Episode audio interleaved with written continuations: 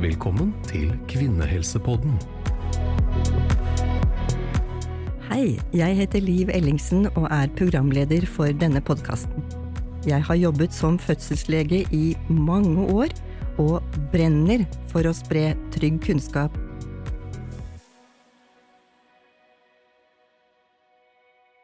Barnet i magen er godt beskyttet i livmoren, men noen ganger må det bli passet på, blant annet under fødselen.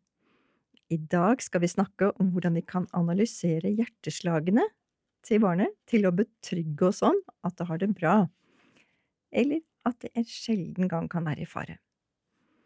Branka Yli er den i Norge som har jobbet mest med fosterovervåkning, og i dag skal vi øse av din kunnskap, Branka. Du er fødselslege med doktorgrad i fosterovervåkning og arbeider som kvalitetsrådgiver ved Oslo universitetssykehus. Du holder kurs og foredrag for fødselshjelpere over hele landet, og velkommen hit i dag. Takk for det. Så mange gravide har opplevd at de får et belte over maven, og at det kommer ut noen kurver på en skjerm. Hvorfor gjør vi dette? Hvorfor bruker vi egentlig fosterovervåking?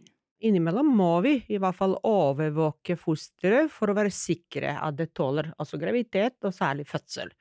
Og hvorfor det? Fordi fosteret har en helt spesiell fysiologi, eh, og tåler oksygenmangel eh, mye mer enn vi ville gjort det. Det er jo også interessant at fosteret har en f.eks. for eksempel oksygenmetning i, i maven, som, samme som vi har på Mount Everest. Og vi ville aldri overlevd, men fosteret er jo topp eh, i maven. Så den fysiologi har gjort at han tåler en oksygenfall, og sånn som riet eksempel medfører. Men det må vi noen ganger overvåke, fordi selvfølgelig blir det for mye, så kan det gi oksygenmangel. Alvorlig oksygenmangel kan gi skade. Eh, men å ha litt oksygenfall innimellom, eh, det tilhører både normal svangerskap normal fødsel, for fosteret trekker på navlesnor og så videre. Så det er helt vanlig. Og da må vi overvåke. Om vi overvåker I dag kan vi ikke overvåke hjernen, men vi kan overvåke hjertet, som er det andre viktigste organ, og se hvordan hjertet pulserer, altså hvilke frekvens og variasjoner har både i svangerskap og under fødsel. Og vi gjør sjelden den evaluering i svangerskapet, bare for risikopopulasjon, ikke for eh, de som er ikke-risikopopulasjon. men eh, i, det er ikke så ofte i svangerskap. Men i fødsel, og det er også delt de som ikke har risiko, de overvåkes ikke med sånn CTG som det heter, med den der over maven. Men de som er risiko, overvåkes mer intenst, ja. Så når man skal følge med på disse hjerteslagene, så finnes det forskjellige metoder.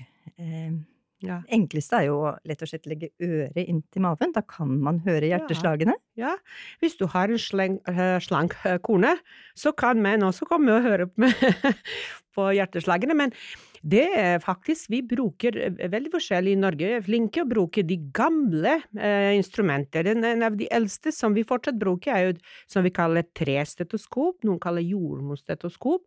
Den er etablert i 1895, så det er snart 140 år gammel. Men den altså kan fortsatt brukes, det er jo på en måte en røre, ikke sant, så man hører fosterlyd og frekvens, samtidig også mors puls. Så det tilhører de som ikke har risiko av svangerskap og fødsel, så kan jordmor eh, lytte fosterlyd, og da, da kan man måle frekvens og variasjon i frekvens, ja. Og så er det dessverre, sier mange jordmødrene, delvis erstattet med en liten instrument som heter Doppler, som også kan gi eh, samme informasjon. Det som er fordelen med Doppler for mamma og pappa, at de ser selv eh, på skjermen hvilken frekvens barnet har. Og de kan også høre den? Og de kan høre, og det er så deilig å høre. Så, så det der følelsen at de hører barnet sitt, som de kaller er gitt også trygghet. Så det er de to eh, metodene som gir samme informasjon, som brukes for lav risiko, ja. Mm. Men jeg vet ikke om du vil si noe mer. Hvis vi har derimot noe mistanke at noe ikke er i orden, eksempel med lytting, hører vi fosterlyd som er for høy, for lav eller uregelmessig, eller at pasient har en sykdom, nemlig svangerskapsdiabetes, eller f.eks. for eksempel morkaka som ikke funker optimalt, så baby er ikke så stor, eller fosteret vokser ikke normalt, eller svangerskapsforgiftning, da må vi overvåke mer nøye, for, da, for å være sikre at barnet tåler det. Da holder det ikke med bare denne lyttingen. Da kommer, nettopp. Da holder det ikke bare lyttingen, da må vi se litt mer hvordan eh, hjerteaksjon er, og variasjon av hjerteaksjon. Mm. Da kommer vi til disse ordene, eh, bokstavene CTG, Ja. som sikkert mange har vært borti, og som Ja. har fått dette bånd over maven som vi Ja. ofte bruker da. CTG betyr kardiotokogram. Kardio på latinsk betyr hjerte. Toko betyr rier, altså rier, evaluering av rier. Fordi det er ikke sånn forskjell mellom en kvinne som er gravid til termin, er jo bare hun ikke har rier, og hun som er eh, i fødsel, hun har rier. Så for at barnet skal komme ut, så må vi ha rier. Og så er det som all, alle ting i livet, det skal være akkurat passe rier. Ikke for mye, og ikke for lite. Og derfor må vi overvåke også rier i tillegg. Så kan du si vi overvåker hjertet eh, til barnet, og mors eh, eh, rier i, i livmora. Hvor ofte de kommer, hvor lenge de er, osv. Så da er det på en måte to bånd, men så er det noen ganger vi bruker noe som vi på fagspråket kalles på en skalp. Kan du fortelle hva det er? Mm. Ja, og så kan du si i svangerskapet og ofte tidlig fødsel, før vannet har gått, så bruker vi alltid det som heter ekstern, altså ut, utvendig, den med belte over, CTG. Og det er en eh, teknologi som eh, ekstern CTG er teknologi hvor man er på en måte gjennom dopplerlyd fanger fosterlyd. Problemet med den Fosterhjerte. eh, ja. Hjerteaksjon. Ja, hjerteaksjon og frekvens. Og vi får også bølger. Problemet med den teknologien er det kan være problem å nå dypt hvis mamma har litt, uh, litt grann overvektig eller posisjon, slik at vi kan få artefakter der og ha problemer med å få tak i det. Eh, eller kan det være også, det er også slik at den metoden er ikke nøyaktig, det tar ikke hver slag, og katter eh, kan få en del artefakt. Slik at når eh, vi er i fødsel, og vi får en uklar situasjon med CTG, eller har allerede en høyrisikopasient, la meg si diabetes, så hvis det foregår til forandringene i den eksterne CTG, så tar vi vannet. Og tar vi en liten uh, instrument, så tar vi, tar vi vannet, og det må vi gjøre for å kunne sende, for å sette elektroder på hodet til barnet. Og det tar vannet, da får vi også informasjon om barnet har det bra, fordi vannet skal være helt hvitt. Den svømmer i hvitt vann. Hvis vannet har fått farge, det betyr at fosteret har fått en stressfaktor og bæsjet litt, slik at det er på en måte en ekstra informasjon for oss. Og da kommer vi til skalpelektroder. Dette er mye som foregår nå, la meg si, som jeg har for, i hvert fall forstått og hørt hva man mener om skalpelektroder, som er invasiv, eh, eksempel prosedyre.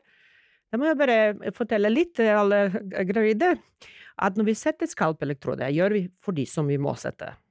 Da får vi mye bedre eh, fosterlyd, for da får vi EKG av fosteret. Og så er den elektroden vi setter i dag, den er gullforgift. Det må du vite at de allerede i den tidlige fasen av sitt liv får gullforgift piercing. Det kommer på toppen av hodet, og det er bare 1,5-2 millimeter inn i huden, slik at det kan ikke gjøre store skader.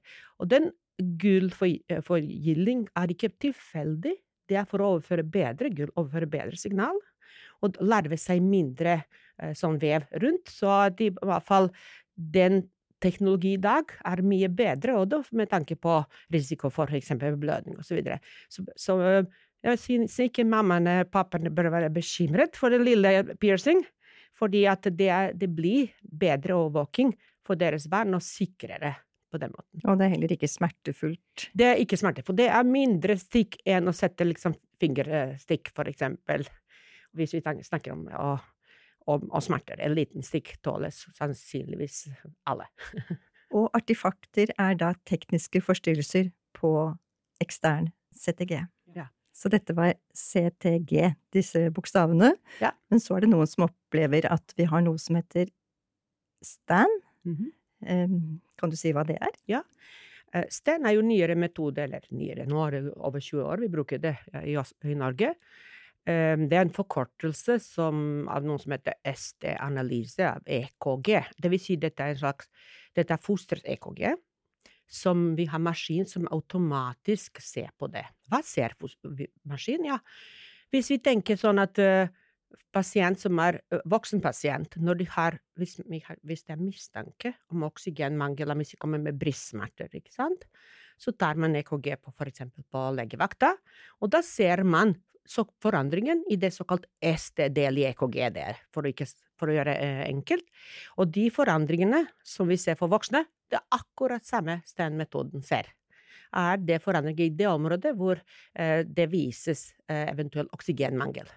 Så det er en eh, metode hvor først må vi se om CTG er, og deretter se hvordan den ST-EKG EKG, er det normal eller ikke normal. Og den metoden er jo eh, ja, har eh, flere studier som er eh, De fleste viste også positive resultater. Og vi har brukt De fleste sykehus i Norge bruker den som tilleggsmetode. Men jeg understreker dette brukes kun for risikopasienter som trenger ekstra overvåking. Men det vil likevel være en god del som vil, vil oppleve dette, da? Ja, selvfølgelig. Det blir en god del, fordi at innimellom er man, hvis man får litt dårlig signal, og det kan være bare teknisk, så setter man kanskje på det for å være sikrere. Mm. Så er det også noen som opplever at man tar en blodprøve. Det er noe annet enn denne lille spiralen som man skrur inn? Ja. Um, det er andre tilleggsmetoder, fordi har, vi har funnet ut CTG, kardiotokografi, har jo brukt fra 70-tallet. Det er gammel metode. Men så har man sett at den ikke finner å oppdage akkurat bare oksygenmangel. Det oppdager bare klemming av navle storskjov. Det var ikke lett å finne ut når er det bare virkelig krise, så derfor kom det tilleggsmetoder som stand, eller den der å ta blodprøve. Og den blodprøve tas også med en bitte liten lansett, som vi kaller det, som går to millimeter inn i hodet, så det er veldig lite og man tar fem mikroliter blod. Det er bitte lite. Så det er ikke sånn at man uh, taper mye blod på det. Når, når, man tar den prøven, så ser man om det er normalt uh, oksygenering uh, eller ikke. Og så om fødsel kan fortsette på normal vis, eller om vi må gjøre noe. Så dette er for å gjøre det tryggere, og det er, det er viktig? Å, ja. Det er for å gjøre det tryggere, og for å få det vi alle ønsker, både leger og jordmødre, frisk barn og frisk mor. Det er målet, med minst mulig intervensjon. Så når vi setter på disse mm, instrumentene, så får vi det opp på en skjerm, og det har mange gravide opplevd, at de har ligget ved siden av, og noen bryr seg ikke noe om det, mens andre følger med. Kan vi bare si litt om hva som kommer fram? Det vi eh, kan begynne med, er kanskje frekvensen, altså hvor fort hjertet slår? Ja, og så fosteret som sagt har en spesiell fysiologi og går med, med normalt mye høyere frekvens enn vi. Eh, så normal frekvens til termin eh, er mellom 110 og 150. Og vi går jo med 70 eller 80. Dobbelt så fort ja, som Dobbelt så fort. Eh, så det er helt normalt. Og når de er for tydelige, eller si før uke 32, da går de opp til 160, en høyere frekvens.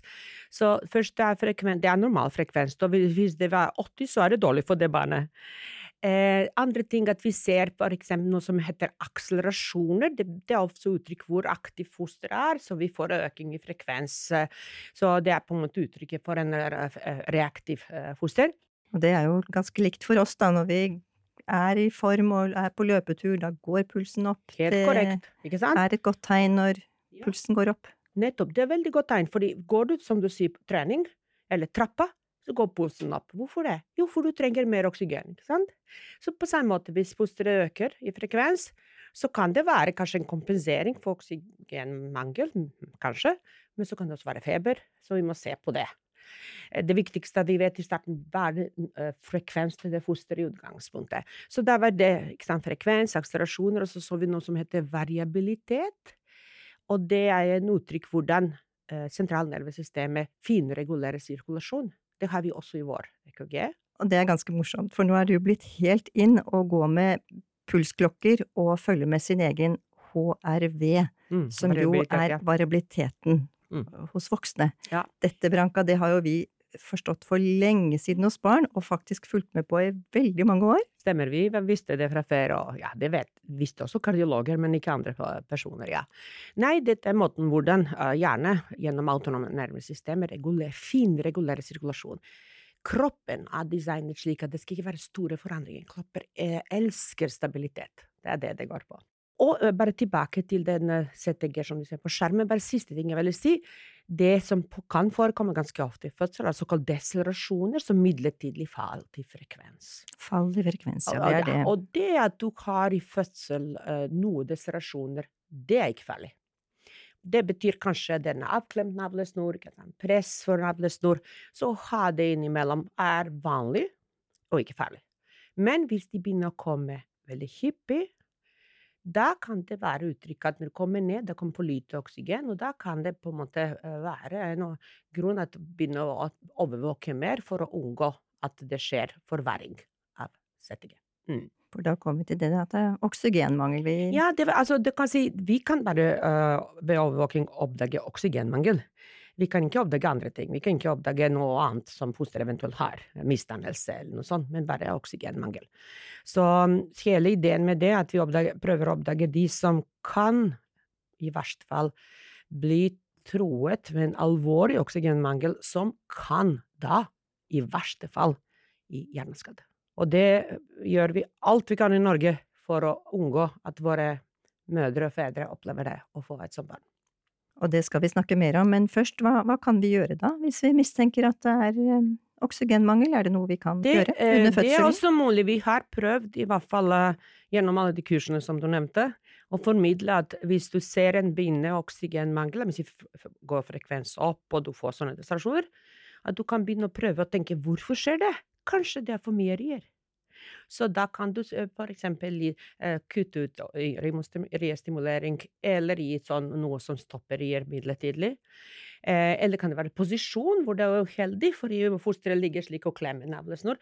Så vi kan prøve å gjøre fysiologiske tiltak for å unngå om å gjøre en operativ forløsning. Ganske enkle tiltak. Så det er ja, viktig. avhengig av liksom hva som er risiko, ikke sant. Mm. Så du kan Mamma kan være dehydrert også, fordi du vet, det er jo viktig å vite. Det der guttene som går langrenn, fem mil, det gjør mamma under fødsel. Hun uh, Livmora er stor og, og har ikke sant, du har uh, kontraksjoner hver annet minutt i mange timer. Så stort tap av væske, så at de er kanskje ikke så flinke å drikke. Og det er jo egentlig som de idrettsutøvere, de bør drikke sportsdrink, ikke sant, ikke bare vann. Så det kan også være problemet, de er rett og slett for eh, dehydrerte. Dehydrerte. Ja. Mm. Så da kan vi til, gjøre de tiltakene. Men dersom det er slik at tross at vi har gjort det, det er fortsatt ikke bra. Eh, og da bruker vi de tilleggsmetoder som STAN og den der, eh, som vi sier, blodprøve fra, fra hodet, og se tåler den videre fødsel. Og, og, og da ut fra det situasjonen, så, så, overvåker vi videre. Og som sagt, ideen i hvert fall hele tida å prøve å, å, gå tilbake til fysiologisk fødsel så, så, lenge som mulig. Hvis ikke det hjelper, så må vi noen gang gjøre keisersnitt. Ja. ja, hvis det er i åpningsfasen. I åpningsfasen, hvis det er på slutten, når det er utslettet mormor og hodet er tilgjengelig og ligger nede, da kan vi gjøre et sånn vakuum, altså sugekopp, eller tang, som er en sånn hjelm rundt hodet. Mm.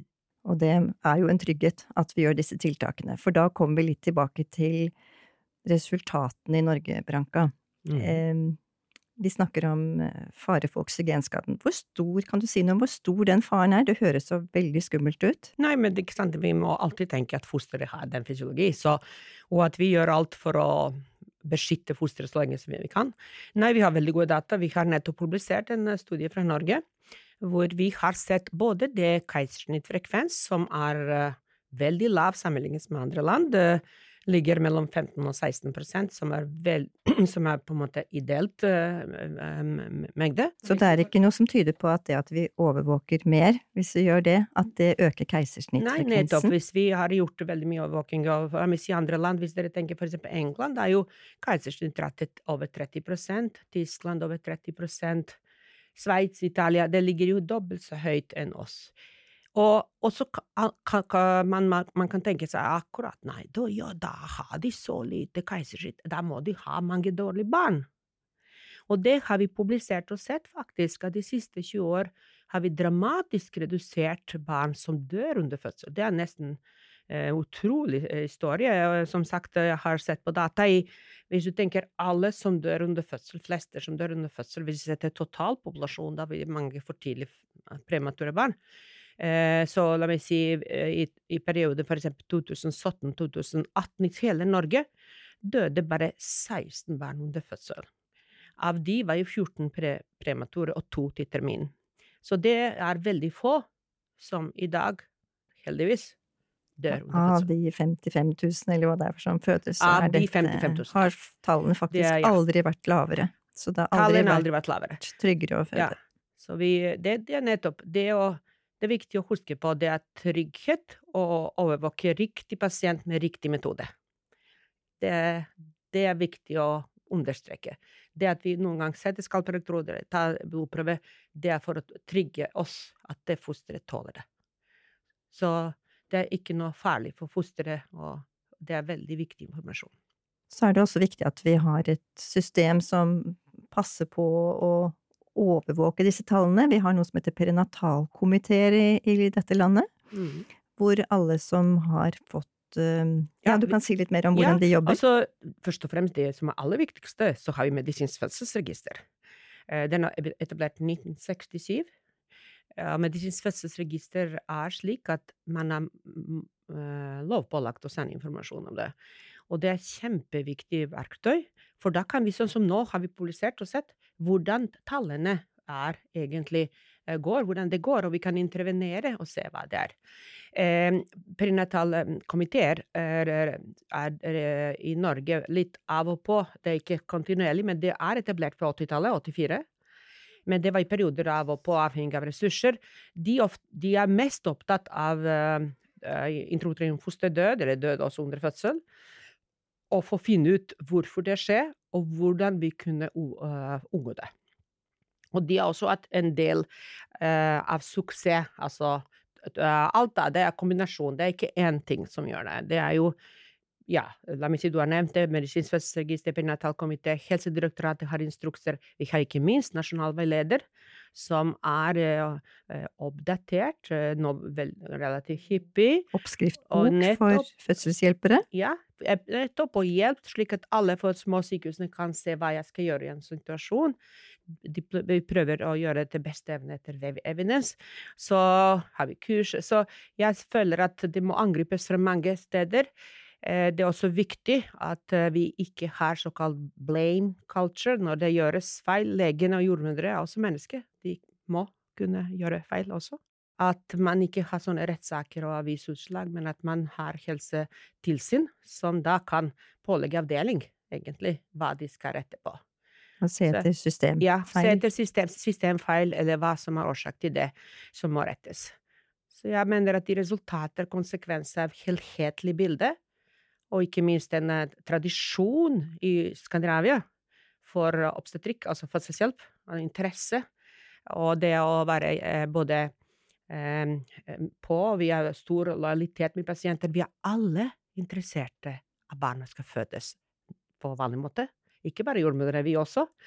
Og jeg, jeg vil i den anledning si at jeg har sett på, på Folkehelseinstituttets side, og de har uh, uh, uttalt seg følgende at 93% av alle fødsler hos fleregangsfødende og 69% hos eh, førstegangsfødende forløper uten inngrep eller komplikasjoner.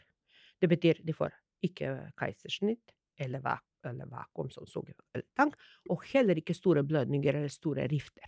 Det er viktig, for man kan jo få en følelse i dag at fødselshjelpen er i fri flyt, og at det er mye nedlegging og mye skummelt som skjer. Jeg kan si sånn, selvfølgelig er situasjonen som utvikler seg, ser jo hver dag i avisa, er ikke optimal sånn sett, men dette går mer på administrasjon. Jeg vil gi beskjed til alle fødende, det er trygt å føde i Norge. Vi har eh, aldri mangel på personale på den måten at man ikke kan følge opp en kvinne. Eh, det, det må det være veldig sjelden. Det har eh, selvfølgelig alt kan skje på store avdelinger, men det er sjelden. Så at det foreligger trygge forhold, at vi har eh, grunnleggende kompetanse som er bygd i mange år, lojalitet mot pasienter, og ikke minst eh, metode og, utstyr. Jeg tror jeg ville si at eh, uten å bli arrogant, og som dere hører, jeg er ikke norsk, men det er trygt å føde i Norge, og det er en av de eh, land hvor det er tryggest å føde av alle andre. Ja. Det var veldig viktige ord å få med, og tusen takk til deg, Branka.